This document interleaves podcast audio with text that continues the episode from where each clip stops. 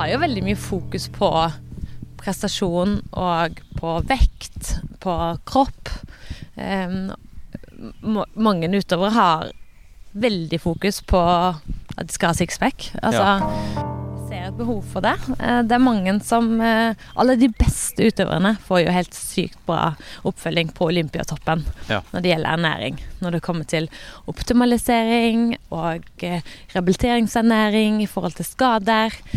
Men det er jo ekstremt mange utøvere der, idrettsutøvere, som ikke er under paraplyen til Olympiatoppen. Ja. Eh, og de også har problemer eh, eller trenger veiledning for å bli bedre på, på dette. Sånn, hva, hvem er kona di? Hvorfor er kona di Eller hvorfor snakker du om henne hele tida? Eh, var hun rask, liksom? Han bare Å ja, det er jo Paula Radcliffe. Bare, men, men hvem er jo Paula Radcliffe? This is another one. Another one, baby. Welcome to Now Is It Alvor uh, with Hans Christian and friends. We're going to be the best podcast that you ever did here, and we're going to thrill you, we're going to teach you, we're going to entertain you. Like Britney Spears once said, there are those of us who observe and those of us who are here to entertain. And we're here to entertain you, bitch.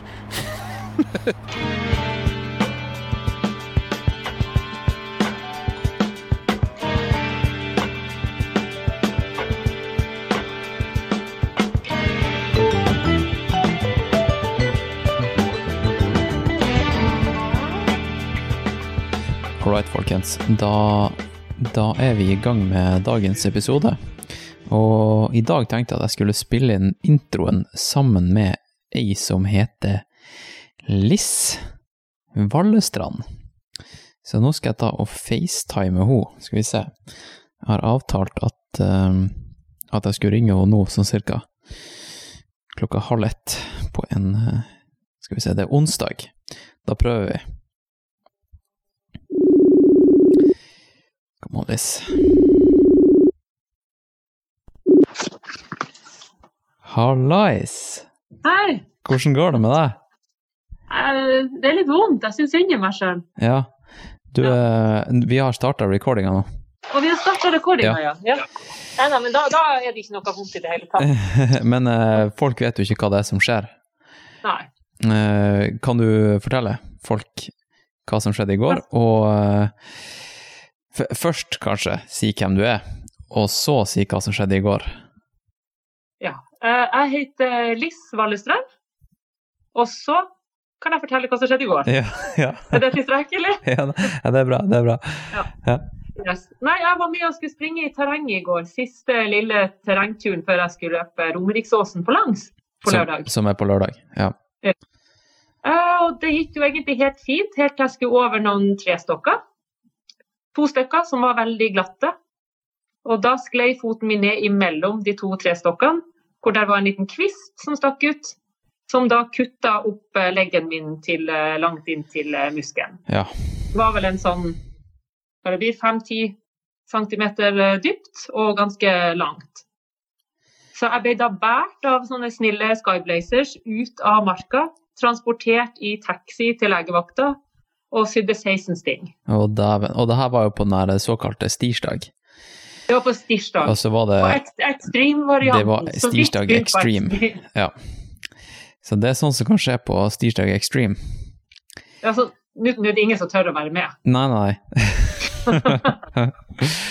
Men uh, hva, hvordan gikk det? Du fikk, hvor mange sting, sa du? Jeg fikk 16 sting. 16 sting. Seks sting nedi, for jeg måtte tråkle det Jeg måtte sy nedi såret. For det er ganske dypt. Ja, ok. Og så ti sting på toppen. Å, dæven. Så det var ikke så veldig vondt i går, for da var jeg full av adrenalin. Ja. Men uh, når da paraginforten ga seg, og lokalbedøvelsen ga seg, og jeg våkna i natt og jeg hadde ikke adrenalin i kroppen lenger, ja. så uh, sinnssykt vondt. Å, dæven. Ja, men um, hva tenker du om recovery, da? Har du, sa legen noe om hvor, hvor lang tid det tar å komme seg igjen? Nei, altså i utgangspunktet så skulle jeg jo bare gå på foten så mye som jeg kan, men uh, det gjør såpass vondt at jeg klarer ikke å trø på den i det hele tatt. Ok. Og om to uker så skal jeg ta stingene. Ok. Ja, men jeg tenker to, det, to uker. ja, to uker, det går bra. Det ordner seg. Det ordner seg, det, Liss. Ja. Ja, ja, ja. Det, det går bra. Men uh, Liss, du er jo faktisk uh, Ja, ikke bare er du en steinbra ultraløper, du sprang jo du, du har jo gjort uh, så mange bra prestasjoner at jeg vet ikke hvor jeg skal starte. Uh, men eh, du er jo også faktisk Patrion av podkasten. Ja, det er Og det vil si at du har tilgang til å høre episodene før andre har det. mm. Det er altså før andre, som i folk som bare hører det på iTunes og Spotify og sånt. Og du har hørt dagens episode. Ja. Eh, Du skrev til meg forrige uke og eh, sa noen eh, ord om det. Hva du, hva du eh, tenker at ja, Hva vi skal si før vi setter i gang dagens episode, til, eh, til dem som skal høre det nå? Jeg tenker at Vi kan jo si at dette her er en veldig fin episode hvor man blir litt bedre kjent med Hans Christian. Ja, ok. okay. jeg. Du forteller jo litt om ting som du har opplevd sjøl. Ja. Og hvordan du har hatt det i relasjon til, eh, til mat, bl.a. Ja. Og et tema som kanskje ikke er så mye berørt for, eh, for gutter. Ja, ikke sant. Det syns jeg er bra. Det er sant. Og så er du inne på eh, food shame-temaet. Ja. Som er jo en uh, ting som alle ultraløpere kjenner ganske mye på. Ja. For når du spiser mat som tilsvarer to voksne og to barn, så kan jo andre Andre synes det er litt rart. Ja, ikke sant. Så man får ofte kommentarer fra venner og kollegaer som syns det her er helt sjukt. Som synes det er helt sjukt. Så begynner du å lure sjøl på om det er helt sjukt. Ja. Prøver jo å begrense litt så det ikke ser helt teit ut, men Ja. ja. Ja, har du noen noe stories i, eh, i minnet, noe, ny- noe nylig, fra, eh, fra noe lunsj på, på jobb eller noe sånt, du har fått noen kommentarer? Nei, ikke det siste, fordi nå har vi begynt å få det, Jeg bytta jobb, og der har vi varmretter. Ja. Og der får man servert en sånn middagsporsjon til lunsj. Ja, det er sant. egentlig helt passe. ja Og det er ingen som reagerer. Da spiser jeg middagen min og er fornøyd. Ja, ikke Så spiser jeg resten av middagen hjemme på kvelden når ingen ser. Ja, ikke sant. ja, men det er fett. Da, da vet eh, lytteren litt sånn hva, hva de kan forvente. Mm. Um, skal vi se. Var, den der episoden der, den recorda jeg ute på mens jeg gikk med ho, eh, Ja. altså ute, med hun Ingvild Måkestad Bovim, og jeg hørte jo lyd, lydklippet før jeg publiserte den på Patrion. Um, og så ble jeg litt sånn irritert, fordi at jeg, jeg tenkte at lydkvaliteten var litt dårlig. Eh, fordi at eh, jeg hadde med meg mikrofonen ut, og så hadde jeg det headsetet som jeg har på meg her nå. Eh, og det slamra litt inn i mikrofonen. Var det en issue for deg? Nei, egentlig ikke. Altså, Tenkte man du over det? jo altså, Jeg tenkte på det, man, man hørte det jo. Men samtidig så var det jo ikke ute og gikk, så det var jo en naturlig del av uh, episoden. Ok, fordi jeg vet at Altså, eh, episoden ble jeg jo tatt ikke studio, men mens man var ute og spaserte, og da var det helt naturlig. Ok, så det, jeg skal ikke gjøre noe siste opprenskning i lyden? opprenskning? Om, Nei, jeg, opprenskning jeg syns ikke det. Nei. Det blir sånn inaction. Ikke sant, ok, men det, det er bra, fordi jeg kan bli litt sånn ja, henge meg opp i lydkvalitet, så det eh, Ja, ja, da, nei, det, det gjør jo ikke så da er da er ikke rette person å Ok, nei, men det er greit, da bare releaser jeg den som, som den er, tenker jeg. Ja, du gjør det. Ja. Ja, veldig bra. Da, vet du hva, kanskje vi bare skal si um, god lyttings til lytteren. Og så, og så kan vi ta litt sånn uh, utrosnakk. Ja. Ja, Okay. Utro. Ja, altså det, det, det vi skal si nå Intro og utro. ja, Vi starter med Ja. intro nå, og så tar vi utro straks. Ok. Så lytter, nå setter vi i gang episoden, og så fortsetter snakken med meg og Liss etter episoden. Ok? God lyttings. God lyttings. Sånn. Du kunne bare sånn eh, NRK P1. Jeg burde hatt sånn Jeg tenkte jeg skulle lage sånn custom greier rundt mikrofonen. Så nå er det alvor. Du vet sånn som ja, ja, så kan du ta få folk til å ta bilde med den. Så ser alt ut som en pressekonferanse. Ja, Ja. ja. Og så eh, tar, tar folk bilde av det, så er den litt sånn Har du masse reklame. Ja. Nå vet jo folk som hører på, hvem Ja. det er Ja. som er gjesten i dagens episode. Uh, Ut ifra tittelen på podkasten. Men eh, Vi kan jo først sette litt sånn kontekst, for nå har vi litt sånn kids i bakgrunnen. Folk eh, skjønner at vi er ute og går. Mange fine barn. Ja. Hvor er vi, Ingvild? Nå er vi jo på Ekeberg, hvor jeg eh, holder til veldig mye. Eh, både i forhold til trening og jobb og eh, bosted, faktisk. Å ja, du bor rett der borte? Bor her på Ekeberg. Ja. Og, du, og så ser vi noen eh, hester rundt oss her nå.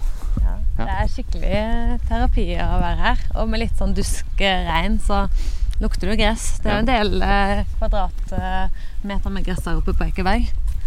Ja, Ja, det, det er sant. Jeg har spilt her tre ganger, tror jeg, på den turneringa her. Ja, på turneringen, ja.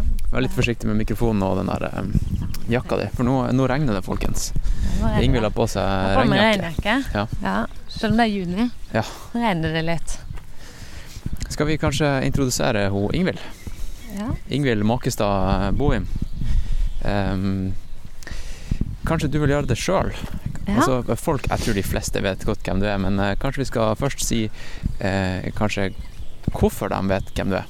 Hva er det liksom dine sånne her løpemeritter? Hva er det du er?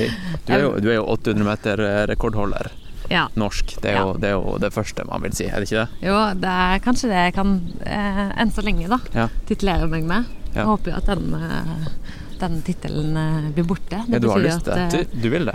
Ja, altså det betyr jo at løpingen altså, tar steg videre. Eh, og norsk løping er jo jeg er utrolig stor fan av friidrett sånn generelt. da. Nå skjer det veldig mye. Syns det er gøy med løping. Eh, Syns det er gøy at de norske gjør det bra. Og da Som en eh, norgesrekordholder da, så vil man jo faktisk rett og slett at de tidene skal, skal bli slått. Enkelt og greit. Ja. Records are made to be broken, som de sier. Ja. Det er en prestasjon for, som jeg gjorde for uh, skal vi se, ni år tilbake. Så det begynner å bli noen år, sant vel. Uh, så uh, Ja, hva, er- hva er tida? Jeg er 1,59. Ja. Så liksom under to blank. Da- Det er liksom veldig Ja, ja. Og jeg vil jo være uansett Jeg har jo uansett løpt under to minutter på 800 meter. Så, så det vil jeg Den prestasjonen, om det er best i Norge eller nest beste eller tredje beste eller hva det er, det for meg så betyr det bare den gleden over å ha klart å brutt den grensa sjøl, da. Så så det er vel eh, en av de tingene jeg har gjort. Men eh, jeg satser egentlig mer på 1500 meter. Så 800 meter var jo ikke min eh, egentlige distanse. Det var jo 1500 Det var ikke meter. det, nei. Nei, så 1500 meter er løp i internasjonale mesterskap. Så det er der jeg har mine meritter, hvis du ser på resultatet, egentlig. Ja. Eh, der har jeg løpet 4.02, eh, men, eh, og målet var alltid å løpe under fire minutter. Men det endte ikke sånn, da. Eh, og det tror jeg eh, har lagt på hylla da. Eh, kjennes litt sånn ut, i hvert fall. Og, men det ble 4.02, og det er bare Grete Weitz da, som har løpt fortere enn det Ja. i år. Hun har heller ikke løpt under fire minutter, men 4.00,55, tror jeg. Ja. Så All right. Ja, for jeg var på Wikipedia-sida di i stad. ja, det var det, ja. En prepping for det her. Ja, ja, ja. så Da har, du har jo utallige NM-gull. Ja, vet du ikke, Det har jeg ikke helt styr på. Nei. Jeg føler jo også liksom at jeg Tenk- har ikke vært med på alle NM. eh, Jeg kan på en måte ha vært litt sånn av og til stang ut av noen liten skade eller um, Nei, men du, du har eh, mer enn nok. Jeg har nok. Mer enn de fleste. Ja. Det er jo noe med det at når man kommer på internasjonalt nivå, så ser man litt lenger, da. Altså da er man liksom de internasjonale prestasjonene som man kjenner på er bra. Fordi at det er ikke alltid i løpet av de årene som jeg har løpt, så har ikke alltid mellom sånn er for jenter eller damer, da, vært så veldig høyt i Norge. Nei, Og da sant. blir liksom ikke det noe sånn OK, ja, det er bra, men det er ikke der jeg vil være. Det samme hvis jeg, hvis jeg hadde vunnet NM på 2.05, så vil jeg uansett løpe under to minutter på 800, liksom. Så, så det kommer jo helt an på hvor man er i livet. Akkurat nå så tenker jeg at det har vært sinnssykt kult å ha blitt norgesmester. så det Ja, hvordan trener du nå? Eh, Trener du Du holder ved like? Bra? Ja, jeg holder ved like, det gjør jeg. Og Ja. tenker, jeg leker litt med tanken på å løpe et halvmaraton til høsten. Oi. Ja, hvordan da? Det, det har jeg ikke bestemt meg for. Jeg kanskje, Kanskje, kanskje du kan springe Lillo Trail? Lillo Trail. 21 km i Lillomarka? Det kan jo kanskje være en opptrapping Ja. eller en litt sånn langtur. Ja. Jeg er ikke veldig god å løpe terreng, altså. Jeg er ganske god oppover. Og veldig Ja, dårlig Det ryktes. Ok. okay. Mm. Jeg syns det er artig å snakke med, Mm. med dem som er raske på bane og asfalt og sånn, fordi at jeg har på en måte ingen bakgrunn i det. Nei. Jeg satt eh, Jeg var jo i Etiopia og trente med Mofara og dem. Ja, Jeg har har også trent eh, med de, Ja. men ikke når de trente trent i Kenya, da. Ja, men det var så artig, for det var på en måte mitt første møte med, med raske folk. Ja. Eh, og så satt jeg og spiste middag med dem, og så drev han treneren, han eh, Gary Laff, og, og snakka om kona si hele tida. ja. Så sa jeg sånn her, hvem er Hvem kona di? kona Hvorfor da?" er kona di hvorfor snakker du om henne hele tida? Eh, var hun rask, liksom? Han bare 'Å ja, det er jo Paula Radcliffe'. Jeg bare, men men uh, hvem er jo Paula Radcliffe? Altså, jeg, nå kjente jeg at jeg kjenner ikke Jeg er glad jeg ikke satt på den middagen når du bare But who is Paula Radcliffe, really? Uh, ja. Nei, hun er altså relativt bra løper, da. Ja, også på langdistanse, ja. Ja. ja. Nei eh, Jeg har også trent med de og ser han løpe 200 meter 20-200 meter opp i høyden i Tenen eh, og bare Ja. svinse rundt der på en enorm fart som ser ut som han er en 800 meter løper. Det er jo helt sykt. Ja. Vi andre måtte løpe de 200 meterne med litt saktere enn i lavlandet, for å si det sånn. Så ikke ut som den eh, høyden hadde noen effekt på den eh, mannen der. Så Nei. Og, og vi har litt sånn eh, ikke, ikke sånn skikkelig kraftig tidsbegrensning i dag, men vi er jo på en måte her for å snakke om noe annet enn bare ja, det er jo vi. Skal vi se her. Eh, Det er litt vind her. Det er litt vind her fordi at vi er eh, på et veldig fint utsiktspunkt. Ja, nå ser vi Det er jo ikke inne i skogen lenger. Skal vi gå bort til det der skiltet der og se Ja. hva, vi, hva som står der? Vi er vi i Ekebergparken nå, som er et veldig fint sted å gå tur, ta med seg kjæresten, eller, eller løpe, da. Det er som regel. For dem som har kjæreste. Ja ja, eller mann, eller Ja. et eller annet. Her er det noe krigsmonument eller noe sånt. Ja. Um, jo, uh, du jobber jo rett borti høyre her. Ja, det er jobber på Idrettens helsesenter. Ja. Bare. Satt litt langt inn i den, ja. Nytt og fresht eh, kontor. Mm. Eh, Jeg har vært eh, hos deg et par ganger. Og eh, hva er, hva er det du jobber som? Hvorfor er du der? Du, jeg jobber som klinisk ernæringsfysiolog. Ja. Og jobber for noe som heter Skadetelefonen. Som er en forsikringsordning som de fleste forbundene har. Mm, at utøverne i de fleste forbund har mulighet til å tegne forsikring, og for en del så må de nødt eh, å tegne forsikring for å være på, på landslagene osv. Ja, ikke sant. Jeg, jeg var vel pålagt å ha en, eh, en helårslisens. Eh, Det var vel sånn jeg egentlig indirekte da fikk en forsikring. Ja. Og så har vi tilbud, da. Altså, det er jo selvfølgelig idrettsleger, fysioterapeuter, manuellterapeuter. Og så det nye fra i fjor av er at vi har altså én. Altså meg, da, men en klinisk ernæringsfysiolog som, eh, som jobber der. Ja, for det er nytt. Det er nytt okay. fra 1. august. Ok. Så det har jeg liksom påpekt flere ganger at det er jeg ser et behov for det. Eh, Det er mange som eh, Alle de beste utøverne får jo helt sykt bra oppfølging på Olympiatoppen Ja. når det gjelder ernæring. Når det kommer til optimalisering og eh, rehabiliteringsernæring i forhold til skader. Men det er jo ekstremt mange utøvere der. Idrettsutøvere som ikke er under paraplyen til Olympiatoppen. Ja. Og de også har problemer eh, eller trenger veiledning for å bli bedre på, på dette. Så, vi, eh, så det var helt fantastisk at de oppretter den stillingen, og sånn at vi kan, kan hjelpe utøvere som er Altså at noen er toppidrettsutøvere, sånn som deg, som eh, er på et høyt internasjonalt nivå. Og andre er kanskje i eh, ungdomsårene og trenger å få hjelp til å komme tilbake fra skade, f.eks. Ja. Mm. Eh, For det er jo veldig mange som er på en måte rett under toppnivået, Det er det. ikke sant?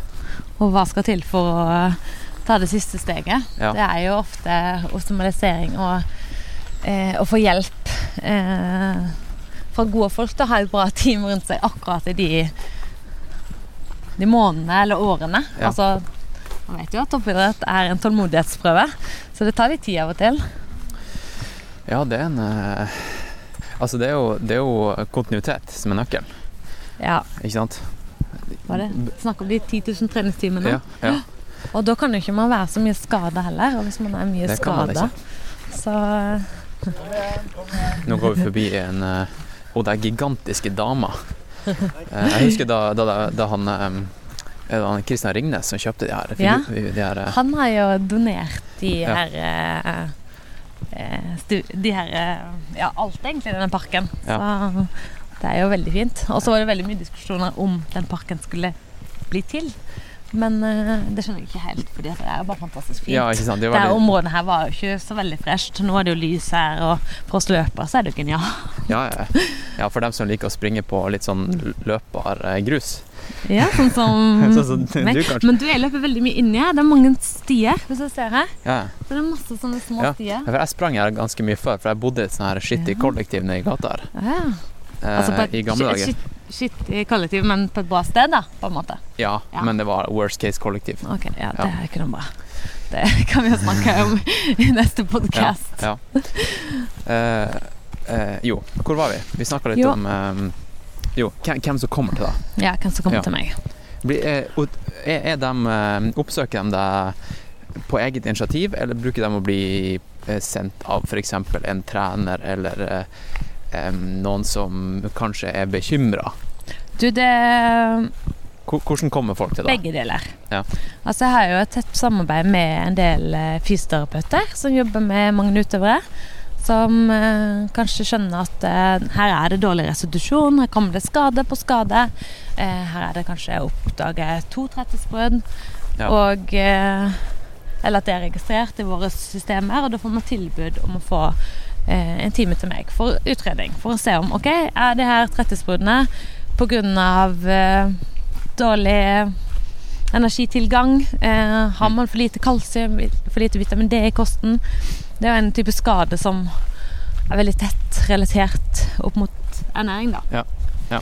Eh, så det kan være det, eller det kan være utøvere som ringer inn sjøl og sier at eh, jeg har et eh, problematisk forhold til, til mat, eller jeg har en spiseforstyrrelse. Det er ganske få som kanskje gjør det, men det kan være, være noen som blir henvist via Eller får tips om å komme til oss via Sunn idrett sin eh, sin eh, telefon. De har en sånn telefon som man kan ringe inn. Eh, Det kan være at noen har kommet til deg etter at jeg har tipsa folk om det. For Det jeg, har- kan jeg har nevnt det flere ganger. Men du har jo eh, taushetsplikt, så det kan ikke altså, du si det her. er sånn eh, Ja, det er veldig greit. Ja. Jeg håper at veldig mange har kommet til deg. Ja. Jeg vet, jeg vet jo ikke, men eh, det er jo eh, Nå går vi, tar vi en loop rundt her. du. Ja, vi er lager en sånn- loop. Her er vi sånn trygt inn i Det er litt, skogen. Det litt sånn japansk zen-garden her. Ja. Og så er det ikke sånn som folk. Så vi er ganske aleine. Ja. Så er det sånn fint å gå inn i Når det regner litt, så er det jo ganske greit å være inne i skogen. Det er litt sånn høststemning, Ja. selv om det er juni. Ja. Men jeg tenker at det kan jo være at det har kommet noen eh, via, via deg eller via andre som skjønner at vi har et opplegg, eh, behandlingsopplegg eller en utredningsmulighet for nettopp REDS, som er relativ energimangel eh, i idretten. Eh, eller andre ting. At man en litt sånn faller inn under det ikke-fungerende utover. Ja. Altså at man blir skada, mye skada, og kroppen fungerer dårlig. Og hva er det som skjer? Man får ikke den fremgangen man ville tro man skulle ha, da. Så det Og det kan være eh, utøvere i alle aldre. Sant da? Det er jo noen som er veldig unge.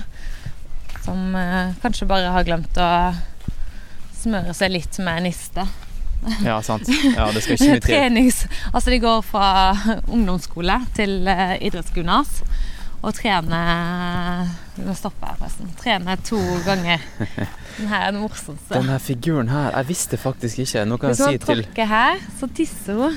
altså det, Hun sitter liksom det sitter ei dame på huk med buksa trukket ned. Det, altså det her er en, eh, en figur. figur.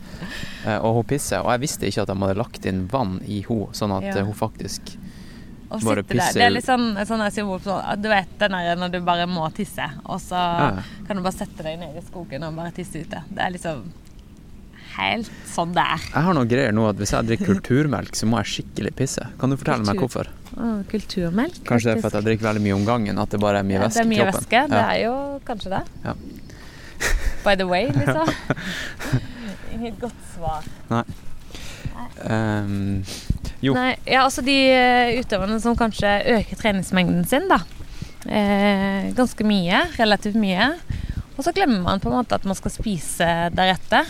Så hvis man øker treningsmengden med kanskje tre økter i uka, da. Ja. Pluss mengden totalt. Ja. Enda mer. Og så har man to brødskiver med seg til lunsj, og så gjør man det når man begynner på skolen til høsten igjen òg, da. Og så plutselig så får man, går man på en liten smell fordi at eh, man har faktisk ikke gitt kroppen nok energi til å restituere seg mellom de her øktene. Ja, og det er liksom ikke alltid at det manifesterer seg visuelt på kroppen at du har økt mengden og har samme energitiltak, da. Fordi at altså det, det er jo på en måte der eh, Der ville man jo automatisk økt inntaket hvis du ser ut som et beinrangel. Ofte. Ja, sant Men, det, Men noen ganger så bare stagnerer du på, Det på det, og så så bare blir du faktisk- skada. Ja, og så kan det være at du øker energiinntaket liksom på kveldstid og på middag. Ja. Eh, men kroppen er i en energi, negativ energibalanse eh, ganske mange timer i døgnet. Eh, fordi at du trener to ganger om dagen og du spiser lite mellom. Så da er du liksom mange timer i døgnet i en negativ energibalanse. Selv om du da liksom kommer opp og er på null liksom, totalt sett det døgnet, Ja. så, og ikke går ned i vekt, så ja, så gjør det noe med kroppen din i forhold til restitusjon og i forhold til de stille prosessene som er eh, ja, Det å opprettholde en menstruasjonsstatus, eh, det å ha, lage nok hormoner som testosteron og rett og slett eh, ta vare på beinhelsa og lage nytt bein hele tida. Ja. Ja. Ehm, så de tingene der er på en måte det, siste, det første som forsvinner. For kroppen prioriterer alltid å trene. Altså, hvis du sier at den skal løpe, så løper den. Da bryr den seg ikke om menstruasjon eller beinmineralisering. Altså, de tingene der, det, det får vente. Det haster ikke. Det haster mest å ha energi til de tingene man vil gjøre nå. Ja, og som, eh, som eh, jente da oftest, er det Ja. litt sånn at eh, de faller den, eh, den fella at eh, det er faktisk egentlig ganske nice å ikke ha mensen. Jeg har aldri tenkt på det sånn, men, men uh, Men det, når jeg har lest litt om Reds, Ja. så er det det jenter ofte tenker. At det er på en måte I gamle dager eh, Eller gamle dager, jeg vet ikke om det er si gamle dager, men før, da. 90-tallet. Ja, 90-tallet. Og som da henger litt igjen nå, fordi at det er en del som kanskje var aktive på 90-tallet, som er trenere i dag. Ja, ja. Så sa de trener man hardt nok, så mister man menstruasjon. Ja. Så det å miste en menstruasjon kan jo kanskje oppleves for mange og bare Ja, nå trener jeg hardt. ja, det her er bra. Det her er bra. Nå er vi på rett Nå, eh, kjør. Ja. nå begynner det å ligne noe. Jeg som skal bli verdensmester Ja. eller norgesmester eller Nå pusher jeg kroppen. Det er kult. Bra. Mm. Men det vi ser at eh, da har man Da er man på feil spor. Hvis det er menstruasjon, så gir man ikke kroppen nok næring til å leve. Det er faktisk det som skjer. Det er ikke det at man trener hardt. Det er at du Skal vi stå litt under her i tilfelle det blir mer regn, eller går det greit? det, For min del går det helt bra med regn. Det er vind som er issue. Den fine mikrofonen. Ja, nei. Det der er en sånn her eh, Det der er sånn som de bruker på, på store konserter. Yes! Ensure SM58. Den tåler alt. Nå skal vi avslutte med litt sang til slutt, som dere kanskje ikke vet. Ok. Nei, eh, menstruasjon. Ja. Ja. Eh, man skal ha menstruasjon som jente. Hvis ikke så Så går det fort utover eh, beintettheten, og man kan få et rettesbrudd. Vi ser at eh, man restituerer dårlig, og ja, resultatene uteblir etter hvert, for å si det sånn. Og så da har vi ikke snakket om liksom den reproduktive delen av det å få barn etter hvert osv. Det er liksom en, et annet aspekt ved det, kanskje. Eller? Ja, ja. Men som man ikke bryr seg så mye om når en ung idrettsutøver ofte, da. Men for menn da, så er det jo testosteron Ja. og det siste kroppen vil gjøre når du trener jævlig mye, ja. eh, er jo å bruke det overskuddet du har til å reprodusere. Ja. Så det er jo det som eh, Det er aktuelt med det. Det blir litt sånn, Ja. som for damer, da. Det er derfor en ikke har menstruasjon. Det er, skal ikke ha barn nå når det ikke er noe energi tilgjengelig. Nei, nei, jeg skal jo bli olympisk mester. Det kommer kids her i gården. Men uh, det er mulig, da. Å være i OL og være i sin livs beste form og likevel uh, ha menstruasjon og bli gravid måneden etterpå. Ja. Det kan jeg skrive under på. Ja, det er jo en annen sak med, med det du drev med også, med, med bane og eh, liksom 1500 meter, 800 meter, og så har du ultra som er på en måte på helt andre sida av skalaen. Ja. Hva, hva du tenker om eh, ultraløping ut fra det du har sett og hørt fra meg, og jeg vet ikke om du har mange kompiser som driver med det. Altså Hva er det vanligste fella å gå i? Vanligste fella å gå i. Ja. Mm. Altså det Jeg ville si at det er litt likt, det, da. Selv om det er liksom veldig forskjellig. Så likevel så er det Du tyner kroppen din liksom til det ytterste. Ja. Om du gjør det med lengden eller med intensiteten, så at the end of the day you are very, very, very tired. you Ja. push your limits. Uh, så um, det krever mye. Du er helt avhengig av at kroppen er fine-tuna, liksom. Du må nødt til å vende hver stein for å bli bedre. Uh, innenfor selvfølgelig lovlighetens grenser. Ved å være smart, da. Det er ikke sånn selv om du løper ultra og løper så langt som du gjør, så hjelper det ikke å bare trene. Det er ikke sånn jo mer, jo bedre. Alltid likevel. Man må jo bare være smartere enn andre. Trene med mer riktig intensitet. Gjør mer, vet jo hvordan du forbereder deg. Du forbereder deg utrolig bra. Print ut uh, 3D-versjoner. Altså, det handler om så mye mer enn å, å bare trene masse, masse, masse, masse, liksom. Ja, og det tror jeg er eh, veldig sånn satt på spissen i ultra, fordi at det er så mange andre variabler enn din fysiske form. Ja. Ikke sant? For når du springer 800 meter, da er det jo veldig sånn her svart på hvitt. Altså har du en høy VO2 så er du bedre rusta til å prestere. ja. Men eh, i ultra så må du jo faktisk eh, ja, deale med, med ting som kan skje på i fjellet over 160 km. Ja.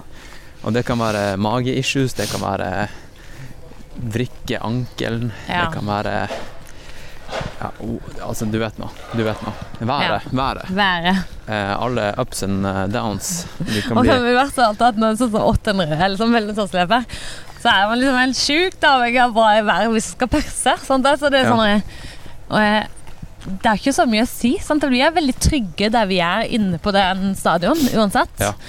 Men likevel så er man så utrolig opptatt av det. Ja. For det er de små detaljene igjen. Ja, når man er oppe i teten, ja. Ja. Det er de bitte små detaljene. ja. Um, ja, skal vi kanskje ta og snakke litt om hvordan jeg oppsøkte det? Ja. Fordi det tror jeg kan være, um, være veldig nyttig for Ja. lytterne mine. Og eh, skal vi se, hvordan begynte det? Det var to år siden kanskje. Da ble, fikk jeg en eh, e-post om at jeg skulle, blitt, bli, skulle springe VM for landslaget. Eh, og så eh, spurte jeg meg ja, har du lyst til det, og ja, det er 90 km og alt sånt der. Um, så da var jeg, da var jo jeg liksom i ekstase. ikke sant? Jeg spørre, Hadde du løpt 90 km før Nei. det? Nei. Men eh, jeg hadde vel løpt 83, det var vel mitt okay, lengste, så jeg ja. visste jo at jeg var kapabel til å springe langt. Ja. Langt og fort. Eh, og så eh, med liksom eh, hele prosessen, så var det tror jeg vi fikk noen papirarbeid. Og da var det for å kunne delta, så må du ha lisens. Mhm. eh, og så må du ha vært hos fastlegen og fått en, en godkjennelse for at du er kapabel til å springe langt og fort. Mm. Det er jo kalt sånn helseattest. Helseattest. Eh, ja. eh, og så sto det i en sånn liten tekst eller noe sånt Ikke liten tekst, men for, for damer. Eh, damer de må få en eh, Ikke helseattest, men eh, hva det, hva det heter Så helsesertifikat. Helsesertifikat. Mhm. Som innebærer å ha vært hos en ernæringsfysiolog og fått eh, eh, bevist at eh, alt er på stell når det kommer til eh, ernæring og sånt. Mm. Fordi at eh, jenter er eh, statistisk, met, eh, statistisk sett mer utsatt for spiseforstyrrelser. Mm. Ikke sant? Og der begynte det å skurre litt for meg, fordi at jeg tror egentlig ikke at de er mer utsatt for det. Jeg tror bare at der er det mer synlig. Det er kanskje mer snakk om det. Mm. Og det er også en av grunnene til at jeg ville ha denne episoden her, er jo at uh, menn har også det. Mm. Um, Og i alle idretter. og i alle idretter. Mm. Og så, um, så tenkte jeg sånn her, ok, jeg har ikke en spiseforstyrrelse, men jeg merker at jeg tenker mer over det jeg tar i meg, altså det inntaket mitt, enn andre. Mm. Jeg kanskje er mer nervøs, eh, selv om jeg kan ekstremt mye, ikke sant? Jeg vet, jeg vet, jeg vet hva man burde gjøre, Mm. så kanskje jeg feiler. Eller kanskje jeg ikke gjør det. Men det er ikke så veldig Jeg vil ha fasit. Jeg vil snakke med noen som kan det. Og hele det her da, det gjorde at jeg kanskje var eh, bikka litt over og hadde, hadde virkelig lyst til å snakke med noen om det. Um, og så så jeg da på det der, det der eh, skjemaet um, at det bare var jenter, så tenkte jeg faen heller. Jeg kunne godt tenkt meg å benytte meg, benytte meg av tilbudet. Men jeg er mann, så da dropper vi det i år. Og så gikk det nå et år, og så ble jeg tatt ut på, på landslaget igjen. Og så tenkte jeg faen, i år, vet du hva, i år skal jeg gjøre det. Selv om det var bare for jenter, så skal jeg oppsøke ernæringsfysiolog, og jeg vil snakke litt om det her. Mm. Og så var det også på det skjemaet sånne her spørsmål som Har du noen gang følt på skam rundt eh, måltid?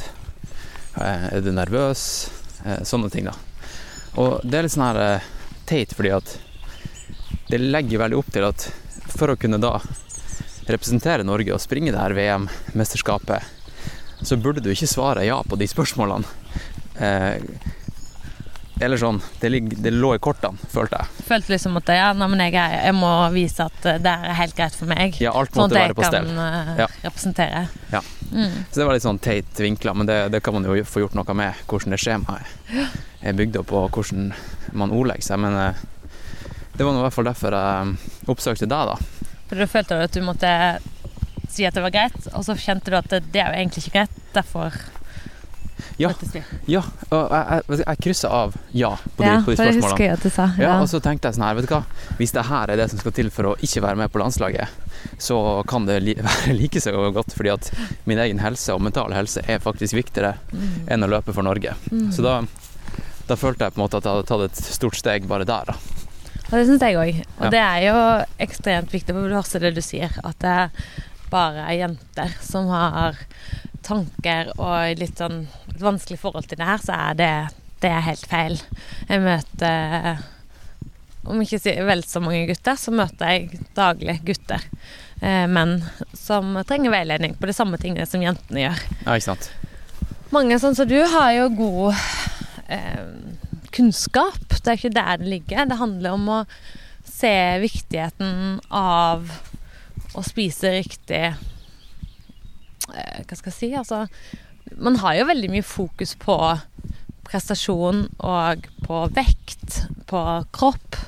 Eh, ma- mange utøvere har veldig fokus på at de skal ha sixpack. Altså, ja. og det kan være en Det er kanskje litt mindre av det i, i ultraløping, ja, men altså, tenk, tenk fotball, tenk store idretter, liksom. Der man tenker at ok, her er det mange ting som påvirker prestasjon. Eh, fettprosent er ganske liten del av det. Ja. Det er ikke det vi bør ha fokus på.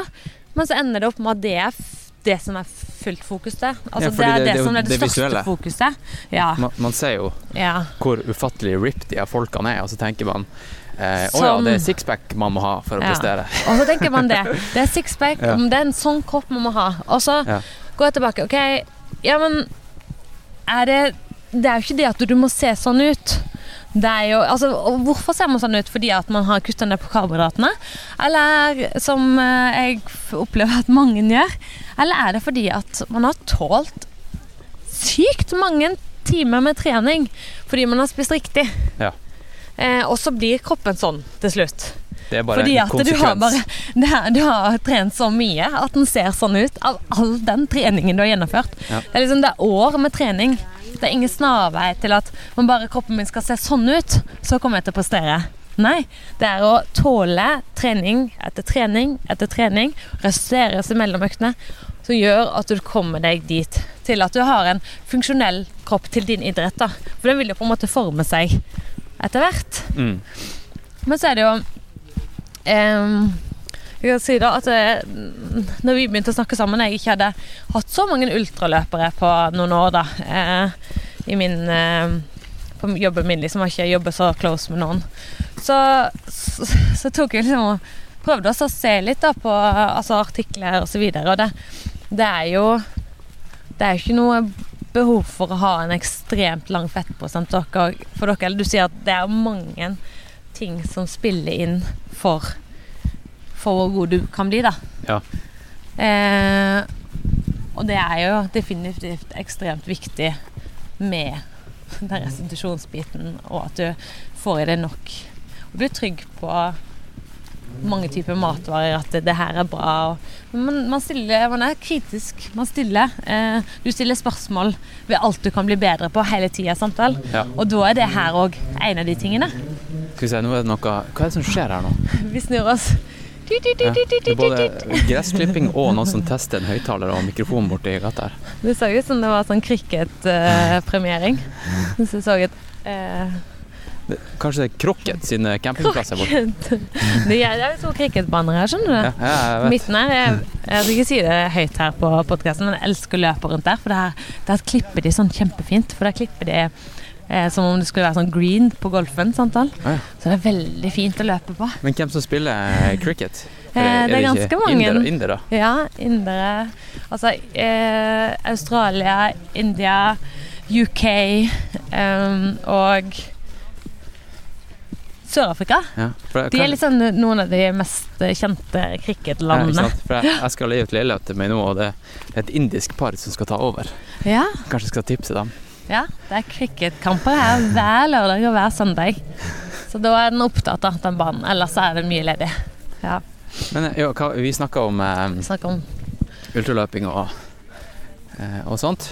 Um, det her er en idrett som det er veldig vanlig at det kommer noen kometer og gjør det dritbra i en eller to sesonger, og så er de ute av idretten ganske fort fordi de får eh, tretthetsbrudd og bare sånn her eh, Ja, de blir skada på, på en eller annen måte. Eh, og jeg er ganske sikker på at det kommer av både overtrening, men overtrening er også et symptom på at eh, det, det kunne man også på en måte preventa da, med å få i seg riktig næring, og nok næring, Ja. tenker jeg da, ofte. Er du enig? Jeg er veldig, veldig, veldig enig. Ja. Eh, man ser at skal, Altså, man, har en ut, man er utsatt for å få skader når man driver på å trene liksom på knivseggen. Altså, det er mye trening som skal til for å bli verdensmester. Ja. Eh, uten tvil. Sant? Eller vinne de store løpene. Eh, Dime League eller deres serie. Sant? Eh, og for å bli liksom topp tre der, så må man jo trene eksepsjonelt mye. Så man har jo en risiko for å bli skada sjøl om man liksom restituerer seg Ja, ja. helt optimalt. Ja.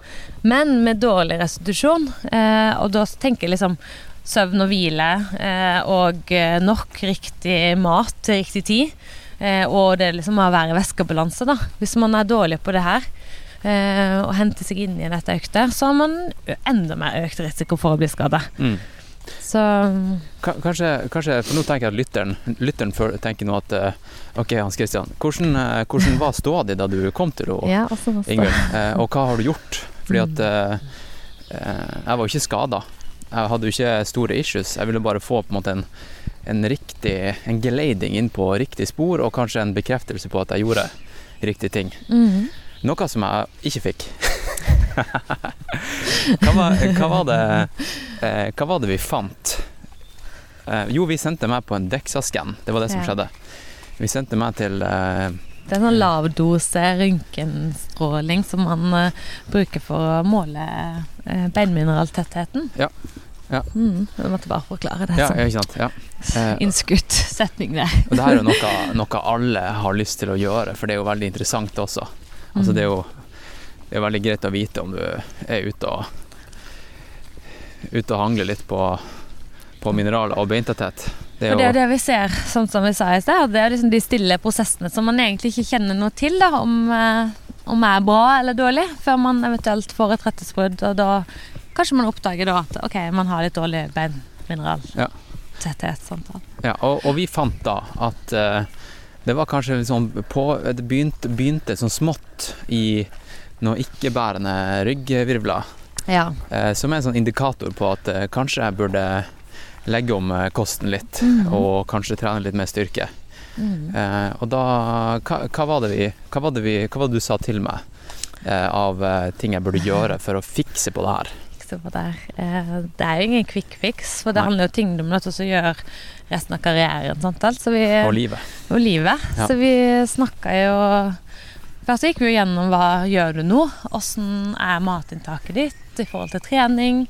Eh, og så fant vi jo noe som eh, Noe vi kunne peke på da som måtte gjøres bedre for at du skulle ha bedre eh, energitilgjengelighet gjennom, gjennom dagen og gjennom treningen. Ja, ja. Sånn at uh, kroppen ikke bare brukte opp energien på treningen, men også kunne ha energi til å bygge bein, da. Ja. For å si det veldig enkelt. Ja, men eh, no, noe av det viktigste jeg syns egentlig at jeg fikk egentlig litt sånn svart på hvitt at jeg slurver faktisk en del Mm. med inntak av eh, næring underveis i trening. Mm. Fordi at eh, tidligere, da, eller da, da jeg begynte med, med den idretten her, så, så ble jeg vel liksom sulten på løpeturer. Ja. Eh, og det var på en måte en indikator på at ja, så er jo ikke du bare ute i 50 minutter og løper, Nei, nei. for da, du- da er det jo rask tilgang på mat igjen. Mens Ja, ja. du er jo ute på hvor mange timer? nei, på søndag var jeg på fire og en halv timers tur. Ja, Men, eh, Rekker å bli litt tom da. Ja. Ja. Mm. Men, men nå merker jeg ikke den sulten lenger, og det er egentlig Nei. det som har ødelagt litt for meg de siste, kanskje de siste to årene. Eller ikke ødelagt, men eh, kanskje det som har gjort at jeg har eh, fått eh, symptomer på reds, da. Mhm. Um, og, Og så er det Du gjorde det jo fordi at du tenkte at du ble bedre av det. Du tenkte at du, det her skal gjøre at jeg, jeg tåler det, Ja. og da tåler jeg alt, på en ja, måte. Og det er så interessant. Og så viser det seg at nei, det blir jeg jo faktisk Nei, det er faktisk eh, Du blir verre av Ja. det. Ja, og, Så- du, og du kan bli skada. Så man gjør det liksom i god tro òg. Det er ikke det at du tenkte at å nei, det her gjør jeg. Jeg har en stor risiko for å få dårlig bentetthet, men det bryr jeg meg ikke om. Nei, det er faktisk som å tenke at det, det her må til. Mm. Og så, så det tenker jeg liksom, litt sånn opplysningsarbeid, da. At eh, Ja, ikke nødvendigvis at vekta raser ned, men de her justeringene her må man nødt til å være obs på likevel. Når man trener mye. Er Og jo mer man ja. trener, jo viktigere er det. Ja. Eh, og så, så det har jeg begynt med. Jeg har begynt å ta til meg næring mens, mens man trener. Så banalt som det høres ut, så har jeg begynt med det igjen. Og det, jeg føler meg mye bedre, og eh, sånn er det med den saken. Og så gjør du det på løp òg. Du Ja, ja, ja, ja. Da, da var du jo veldig flink. Du Da- hadde jo de regimene på løpsdager. Ja, ja, ja. sånn, jeg full kontroll. Bare, ja, men, ja, men Ja. eh, det du har jo fasiten. Du sitter jo med fasiten, og veldig mange gjør jo egentlig det. De vet hva som er de beste dagene sine, og det er jo mer enn godt nok. ja, ja. Men, men alle det- vet jo også hva fasiten på Ja, altså, helse og velvære er, men det er jo, de færreste gjør jo det. ja det er sant, kanskje. Alle vet at man burde eh, være aktiv i en halvtime om dagen, men det er jo veldig mange som ikke gjør det i, i Norge og verden. ja, ja, Ja. det er det, ja. Um, jo, også, um, også hverdagskost. Det vi Mhm. også gjorde, var å eh, innføre um, mer karbohydrater Ja. i min kost. Og det var ikke noe jeg liksom hadde intens Altså, intensjonelt liksom- gått ned på Nei. og sånt. Eh, det var ikke noe sånn at nå skal jeg bli superfit og jeg skal ikke spise brød og sånt, for jeg, jeg følte at jeg spiste masse karbohydrater. Jeg, jeg skyr ikke det i det hele tatt. Men jeg måtte uppe det. Uppe gamet på carbs. Uppe gamet på carbs. Ja. Uppe carb-gamet mitt. Og da, da har jeg egentlig gått over til å spise eh, mye mer brød. Jeg begynte å bake ganske mye i det siste, mm. faktisk. Eh, og så Og så er det muslibrødet ditt. Ja, som muslibrød. Mhm. Ja, men det, nå som jeg er på skikkelig budsjett, så har jeg gått over til å bake. Det er Selv. genialt. Ja. Jeg elsker jo å lage mat, og folk lager mat. Så det, Ja. da blir jeg veldig glad, da. Ja, du er jo, du er bokaktuell nå med Ja. meal prepping. Mye på matprep Mat- står på matprep. norsk. Samtale. Den boka heter Matprep. Den heter det, ja. Ja. Mm. Men det, det er en annen. Jeg trenger ikke snakke om det i dag. Men, Nei, nei, men eh, sånn jeg er veldig glad i, i å lage mat da, Ja, generelt. Det har alltid vært det, liksom. Eh, men, eh, men man trenger jo ikke gjøre det for å spise et supersunt kosthold. Men jeg tenker at det er veldig fint å ha en viss kunnskap om mat og hva de forskjellige matvarene tilfører, hvis man ønsker å øke litt proteinmengde eller karbohydrater eller Og jeg merker jo det at det er ikke bare du som eh, har et jeg føler liksom, Jo, for jeg føler det at noen eh, kommer til meg og tenker at karbohydrater er usunt. Ja. Sant vel? Ja. Og det, det, det kjenner jeg veldig på at Ja, men karbohydrater Altså grove kornprodukter, frukt, bær, grønnsaker Altså det her gir kroppen mange viktige næringsstoffer. Eh, og karbohydrater, som er viktige for trening på medium og hard intensitet, selvfølgelig.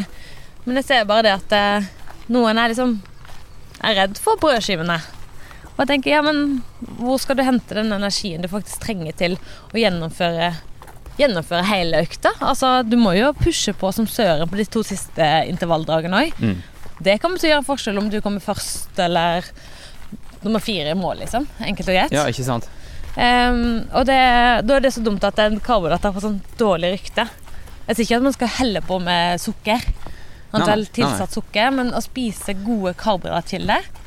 Og for noen som kanskje har eh, litt problemer med magen i visse deler av treningen, eller hvis man trener hardt, så må man kanskje unngå liksom all den fiberen. Eh, så og kunstig søtning er et eget Det var så ut som en kolibri plutselig i lufta her, men det var bare en liten uh, eller hva det er for noe. Et eller annet. Ja. Opp, kanskje. Ja.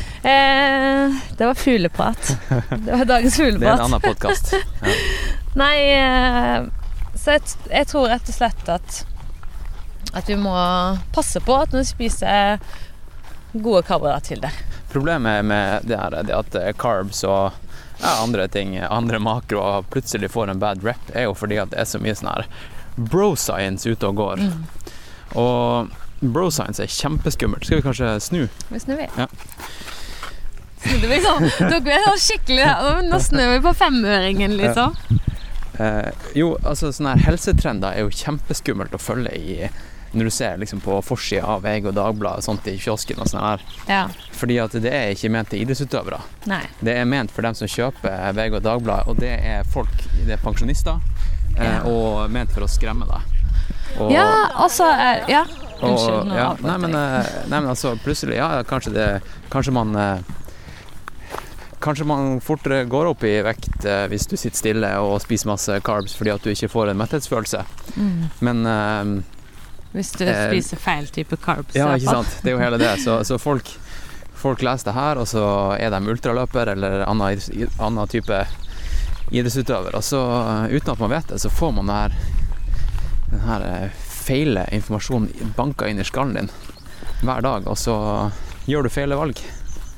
Ja, og, og så er det jo de som leser, det er VG og Dagbladet osv. Altså, det er jo òg folk som kanskje Eller vi alle er vel kanskje ute etter en litt sånn quick fix. Noe Ja. som bare løser problemene våre. Eh, og hvis det er liksom å kutte noe greier, eller ja, gjøre noe enkelt, da, så blir man kjempesunn. Eh, så vil man kanskje gjøre det, da, og så får man høre det nok ganger, sånn som du sier. Ja. Så blir det liksom sannheten. Og så sitter man der da, og kan liksom ikke ta seg en banan, fordi at det er det karbohydrater. Og bare, ja. har du sammenlignet den bananen med sjokolade? Altså, du kan jo spise sju bananer istedenfor den eh, lille sjokoladen der. Ja. Så det, og det er liksom, nei, det har jeg hørt fra P3-en min, at jeg ikke kan spise Eller trene sa nei, jeg kan ikke spise karbo, nei, jeg kan ikke spise en banan, liksom. Jeg bare, ja, ok. ja, plutselig blir det frukt usunt. Ja, det ble frukt us usunt. Eh, ok, det gir deg ganske masse vitaminer, antioksidanter, ting som du må nødt til å ha for å opprettholde et optimalt immunforsvar, da, når du ikke blir syk. Ja. For er du syk, så er restitusjonstida veldig lang. ja, og så får du ikke den kontinuiteten. Nei, nei. Nei. Så um, karbohydrater er, er nødvendig. Riktig type karbohydrater. Og tilpassa liksom, hver enkelt i forhold til mage- og tarmsystemet også når man driver på å løpe, er viktig. Du, andre symptomer på REDS. Skal vi snakke litt mer om det? Ja. Det er jo uh, uh, Etter at jeg begynte å lese og, og sånt om det, så, så bare begynte ting å falle på plass for min del. Litt sånn her uh, brain fog. Ja, At jeg ikke fungerte ordentlig i hverdagen. ja, At det eneste jeg fungerte til, var å løpe. ja. Hadde ikke energi til de andre tingene. Nei. Nei, jeg gadd rett og slett ikke. Nei? Eh, og jeg gadd ikke Grunnen til at jeg ikke gadd, var fordi at jeg ikke hadde energi til det. Nei? Det var ikke fordi at jeg det- ikke hadde interesse for det. Nei, det, bare- ikke, det var ikke et valg. Nei. Du er jo veldig oppegående fyr, så det er ikke det at ikke du gidder gjøre så mye i tillegg til løpingen, for å si det sånn. Nei, for det, Men det at man ikke ja. fungerer Altså, eh, noen kan jo kjenne på det at de ikke orker helt å være sosiale. Eh, jeg har liksom ikke energi til å forholde meg til så mange andre mennesker. Ja. Eh, eller at det kan være vanskelig å spise med andre. Ja. Eh, som er kjempesynd, fordi at man må jo som idrettsutøver så må man jo utvikle seg som menneske òg. Jeg tror det er veldig viktig. Eh, og eh, å fungere i jobben De fleste av oss har jo jobb samtidig som vi prøver å Ja, drive ja. på med. Altså, noen eh, tar jo noen spennende jobbvalg. Ja. ja, men, men allikevel, man må nødt til å fungere. Noen har familie. Eh, og da Hvis man ikke fungerer liksom livet, da. 24-timersutøveren er jo egentlig en utøver som fungerer 24 timer i døgnet. Ja, ja. Ikke som bare fungerer på treningen, som er, blir prioritert, da. Nei, så jeg tenker jo på alt og hvordan det påvirker min prestasjon i trening og race. Altså Ja. hele tida. Ja. Eh, ja, bare liksom eh, Hvis jeg hadde fått en telefon om å eh, Blir du med på konsert i kveld? ja. Nei, vet du hva, det, jeg takker nei til det fordi jeg har en intervalløkt i morgen tidlig. Eh, Ja.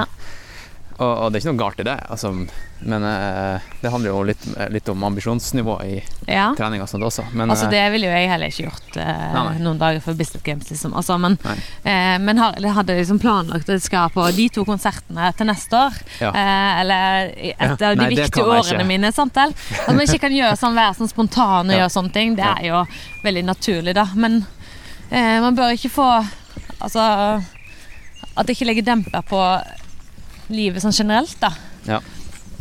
det, det her med å spise med andre Noen blir nervøs av det. Ja. Jeg blir eh, mer eh, eh, nervøs av å spise alene. Mm. Fordi jeg syns at mat det handler så mye mer om, om enn bare næring. Ja. Eh, og og der, det skjedde et skifte for meg da jeg ble en ordentlig seriøs idrettsutøver. Det var at jeg fikk et helt annet blikk på Eller sånn eh, forhold til mat. For da tenkte jeg plutselig på det som fuel. fuel. Da er det det som ligger på tallerkenen, er eh, eh, fiber, proteiner, karbohydrater og fett, liksom. Istedenfor at det er Et nice, Mat, da? Nei, men et, mat, eh, godt måltid og, og sosialt, Sosialt. hyggelig samvær. Jeg sier ja, jeg, altså, jeg må bare skyte inn. Og kultur. Ja. Kultur, det er uh, identitet. Ja. Uh, jeg hadde jo et veldig morsomt uh, møte med Usain Bolt. Jeg skrev jo en kokebok for ja, i 2012, da. Ja, ja. Eh, 'Winning Food' heter den. Jeg tok for meg liksom de, noen av de beste utøverne i verden Ja. eh, i friidrett. Ja. Og spurte hva er ditt forhold til mat? Altså, Hva betyr det for deg? Hva betyr det for treningen din? Eh, og vi har liksom snakket sammen lenge, da. I det intervjuet. eh, på et hotellrom i Zürich. eh, siste Diamond League-stevne for året, liksom. Og snakke om jamaicansk mat. da Han er jo fra Jamaica, det vet jo de fleste. Ja, ja. Usain Bolt er relativt rask. Jeg tror kanskje mange har ja, hørt jeg tror han, han, han tror jeg folk har hørt om. ja. Ja. Mm. Eh, ikke ta en Hans Christian her. Paul Radcliffe. Så han eh, Usain da, han bare sa plutselig da på slutten her bare sånn Åh, nå må vi avslutte, Ingvild. Jeg bare, ja, ja, ja, selvfølgelig, liksom. Du skal løpe og Ja. eh, Jeg ville bare prate litt om det her. Ja. Nei, det er ikke det. Det er veldig hyggelig, men jeg får så utrolig hjemlengsel. Å ja. Jeg ja. ja. Ikke sant. Du får hjemlengsel av at de snakker om jamaicansk mat. Og jeg bare takk. Å, det er så godt å høre. For jeg er så enig i at mat er ekstremt mye mer enn de tingene vi kanskje har snakket om til nå. Sant. Ehm, den sosiale biten. Altså, du, du sa det. Du var på middag med eh, Mofara og eh, mannen til Paul Radcliffe. Vi driver på og reiser rundt som idrettsutøvere på vårt nivå, liksom. Eller hvis man er på et uh, ikke, jenter 16-lag i fotball som skal på Norway Cup. Ja.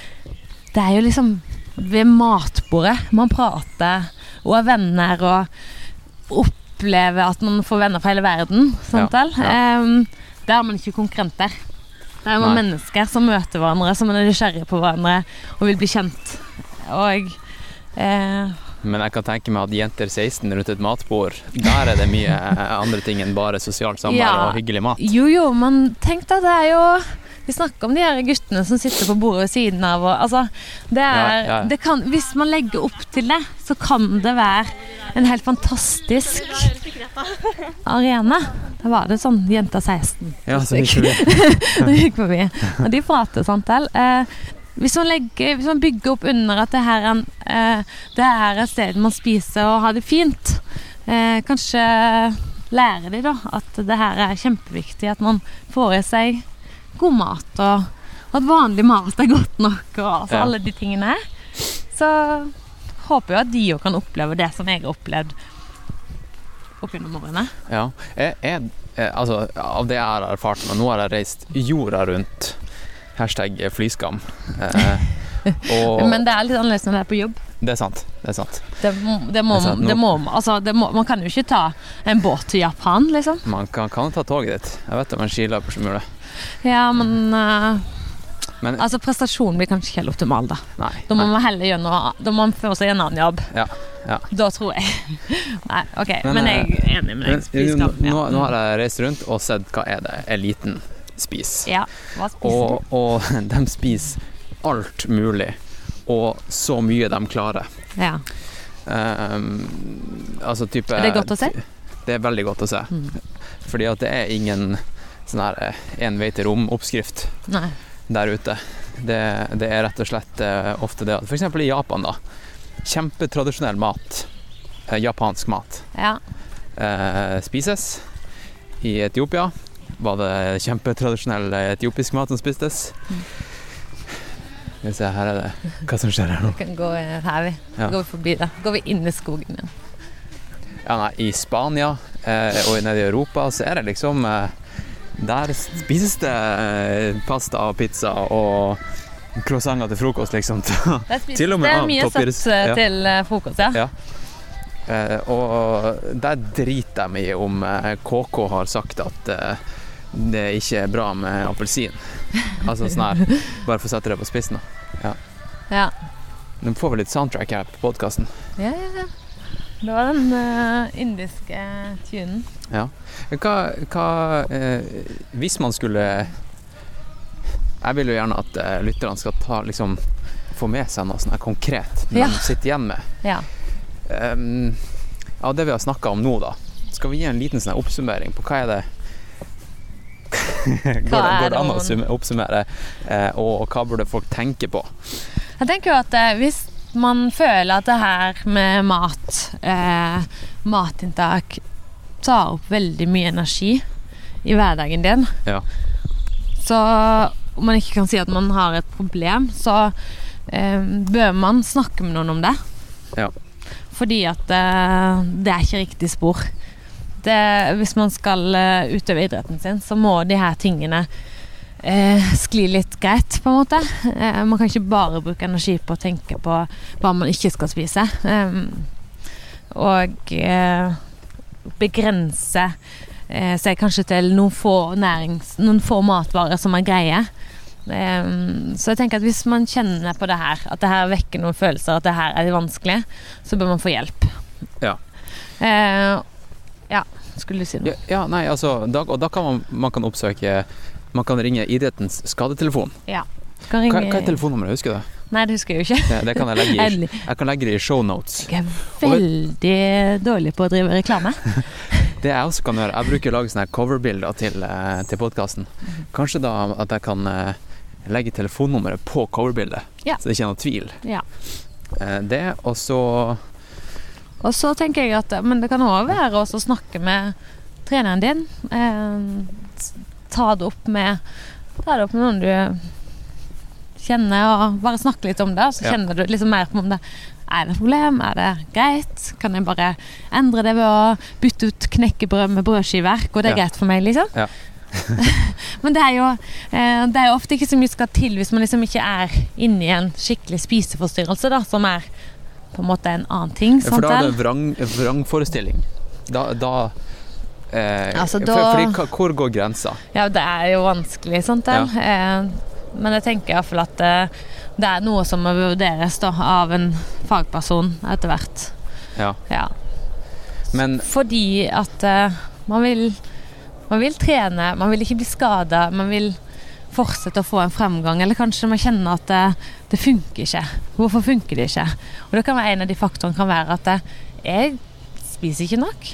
ja, Og da kan det være Eh. greit å få en profesjonell som sier det til deg.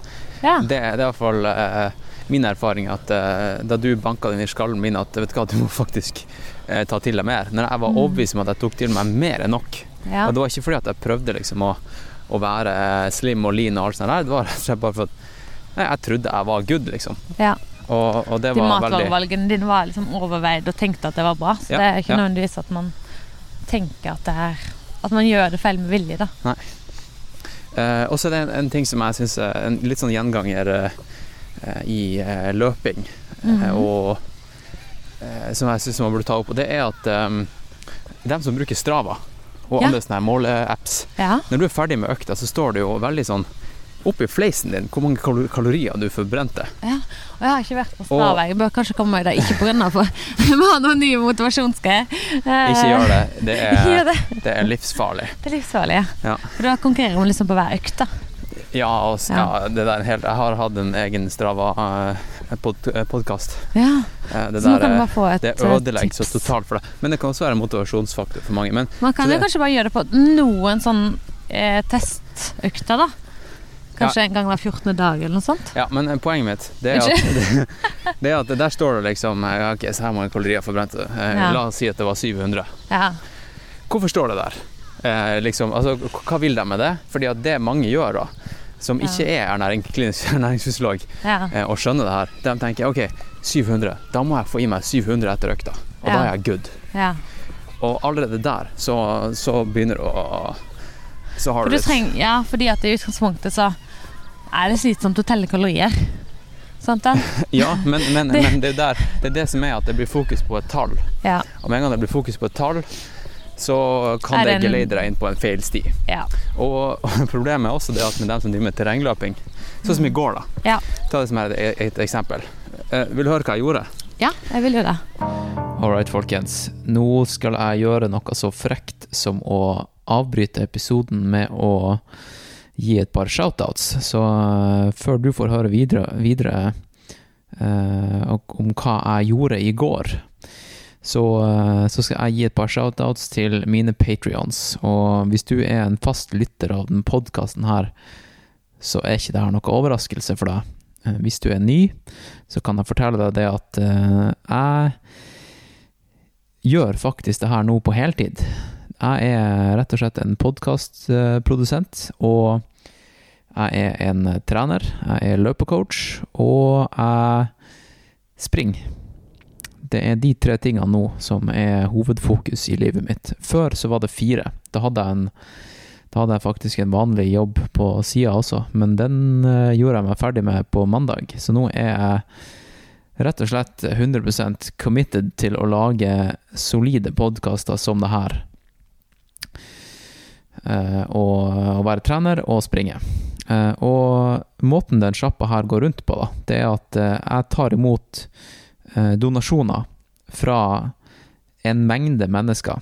Og de her menneskene her, de er lyttere av podkasten. Og det er lyttere som setter pris på innholdet såpass mye at de har lyst til å høre mer av det her. For de skjønner at hvis ikke man gir en dollar eller mer i måneden, så er det faktisk sånn at um, det ikke kan gå rundt. Den sjappa her den må gå rundt for at jeg skal kunne fortsette. Så eh, jeg bruker å gi shoutouts til mine støttespillere på Patrion i hver eneste episode, og det her er ikke noe unntak. Og um, nå skal jeg gi eh, en shout-out til alle som har gått for den her mest bang for the buck-pakka på Patrion.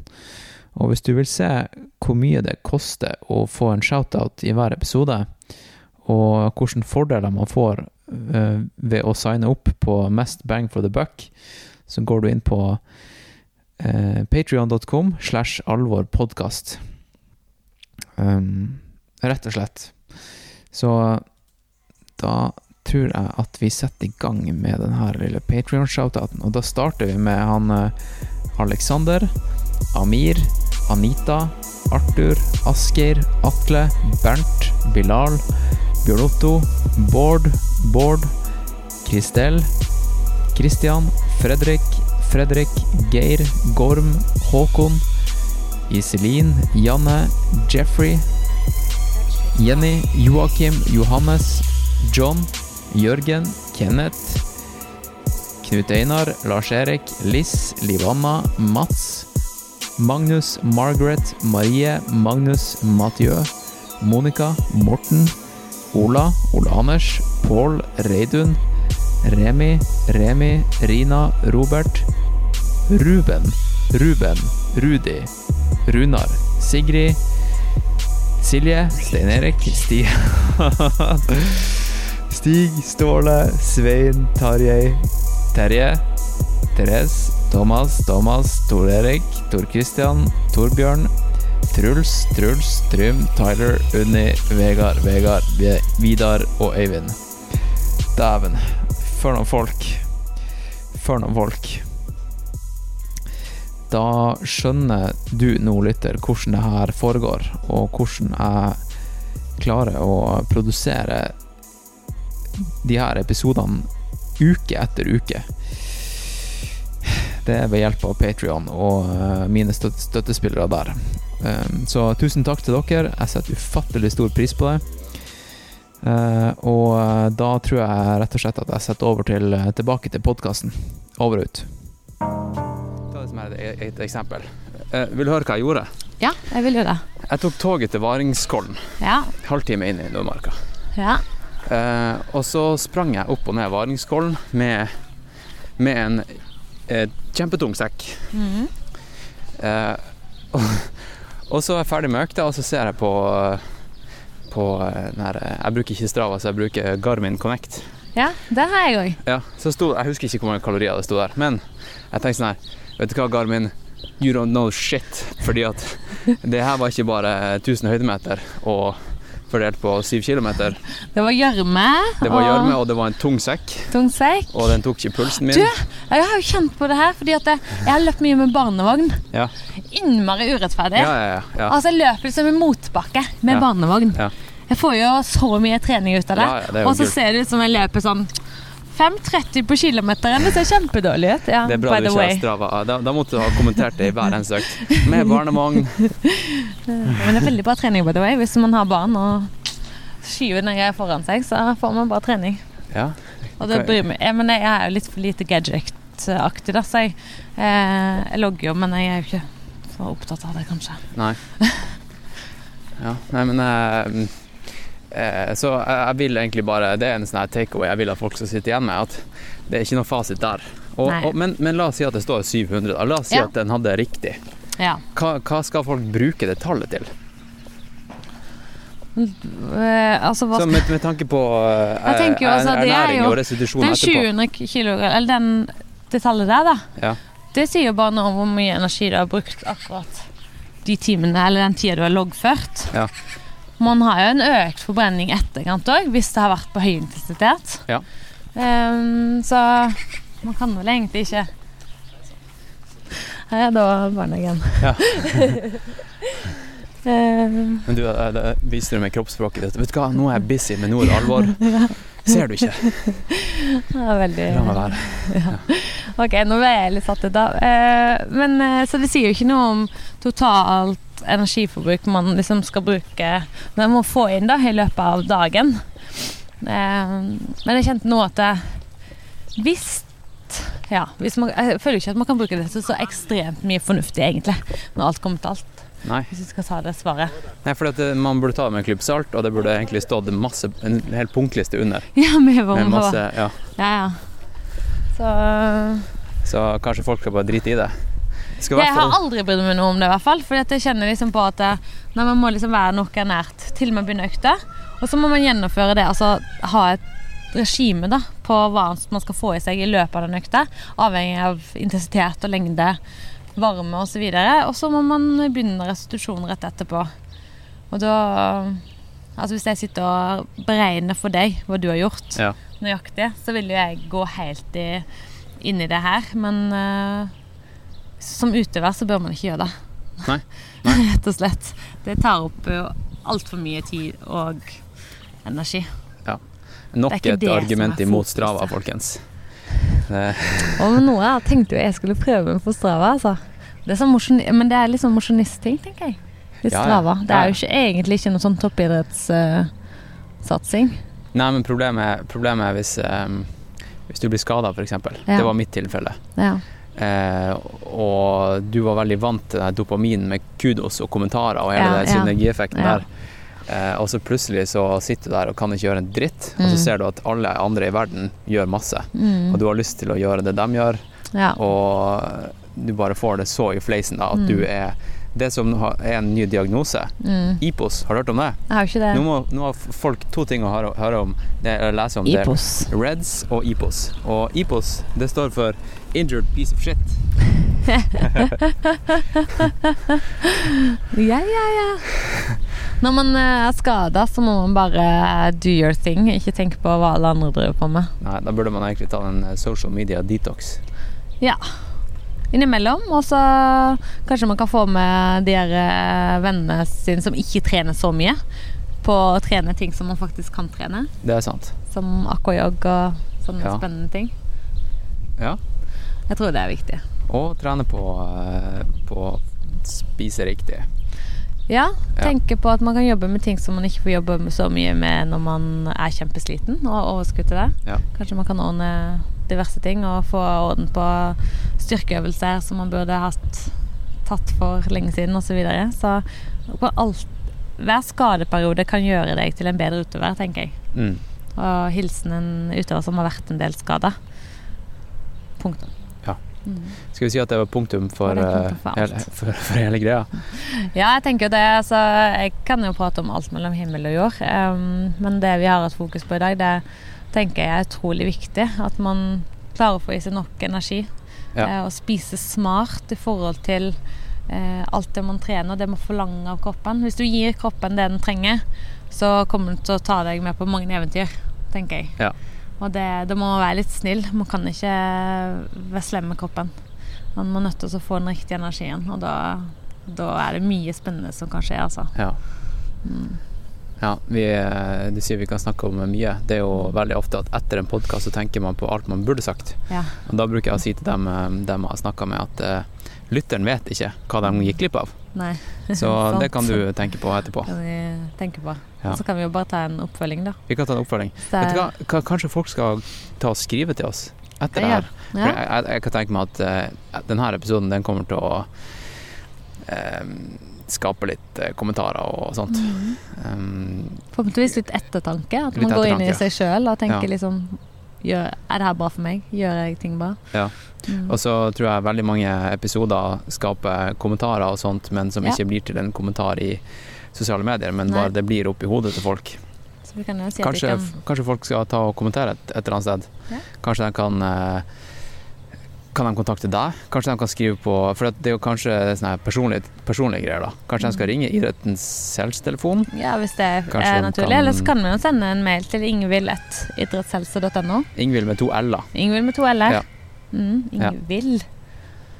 Ja. Ja, ja. Idrettshelse.no.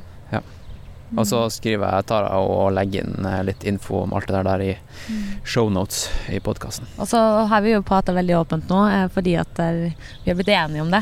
Ja. Vanligvis er det et yrke som selvfølgelig er totalt taushetsplikt. Ja, jeg merka det da vi gikk i skogen, at det var ikke du som førte samtalen. Det var jeg som tok innsjø Ja. på i hvert fall mine personlige Mm. detaljer. Så det, Det er veldig viktig å vite. og det skjønte jeg jo var- det var fordi at du mm, ikke ville ta, ta det opp. Så Ja. det er greit.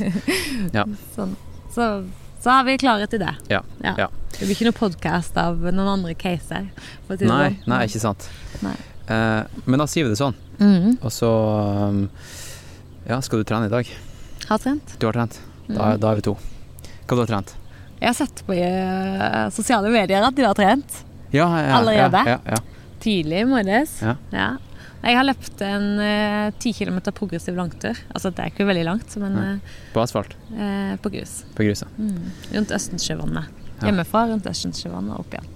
Så litt høydemeter og eh, litt eh, eh, rask rus til sånn som å få løpt litt fort òg. Mm. Ja.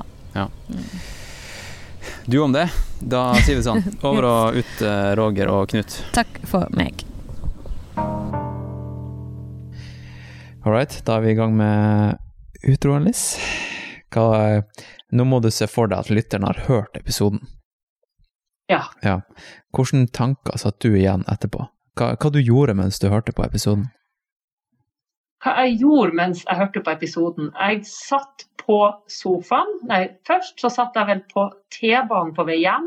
Ja, Og så satt jeg på sofaen, og så tror jeg jeg laga meg mat. ok. Ja, eh, det, jeg prøver alltid liksom å forestille meg hva er det lytterne mine gjør. Er de ute og springer, liksom? Nei, jeg hører ikke så mye på podkast når jeg springer. Nei. Jeg hører på det når jeg driver med kollektivtransport. Ja. Og matlaging og litt sånn forskjellig hjemme. Ja. Jeg gjør faktisk det samme. Det eneste podkasten jeg hører på mens jeg springer, det er min egen, for å stressteste eh, kvalitet, Å ja, kvaliteten. Ja. Men jeg vet jo at det er veldig Jeg får jo bilder av folk som, som er ute på fjellet med, med podkasten på øret. ja. Eh, Jeg hører jo ikke på noe, gjerne, Nei, nei. Bare dine indre demoner. Ikke sant? bare mine indre demoner. Vi må tøyle. Um, eh, ok. Er det andre ting? Hva du, hva du tenker nå, Liss, om, um, om å være skada? Du har jo vært skada før. Ja, jeg har vært skada før, så jeg er jo litt stressa fordi jeg kjente at formen hadde begynt å komme tilbake etter Soria Moria. Det Ja. går jo for min del alltid ned i en ganske betydelig dump etter et uh, langt A-race. Og Ja. så hadde jeg egentlig begynt å kjenne at nå virka beina igjen, og så får jeg en ny liten dump. Det er jo sånne her ting man ikke kan regne Altså, man må nesten bare regne med at sånne her ting skjer Ja. også. Mm. Men det er jo dritkjedelig. Det er dritkjedelig. Ja.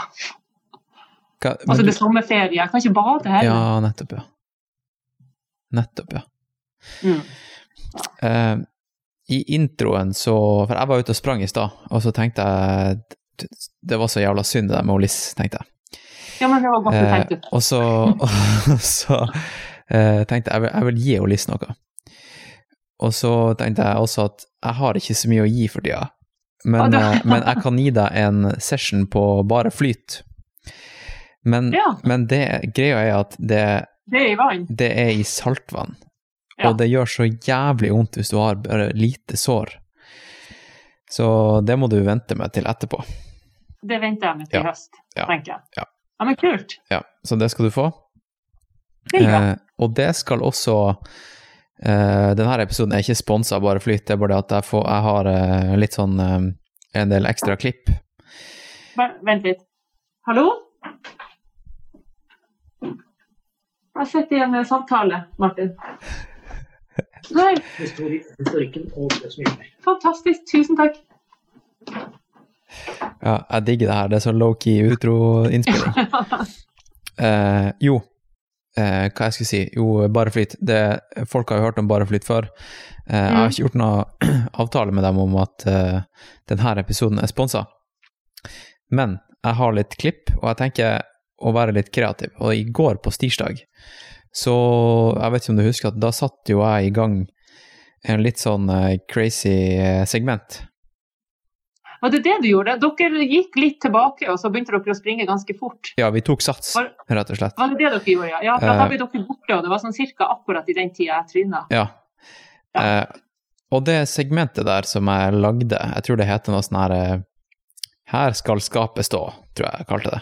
Det skapet stå. Og, og hvis folk bare går inn på Stravaen min og sjekker den økta, for denne økta er helt åpen for alle, den heter Stirsdag Extreme Bananas. Og så går dere inn på det segmentet Her skal skapet stå, uh, og så går dere og så prøver dere å ta segmentet fra meg.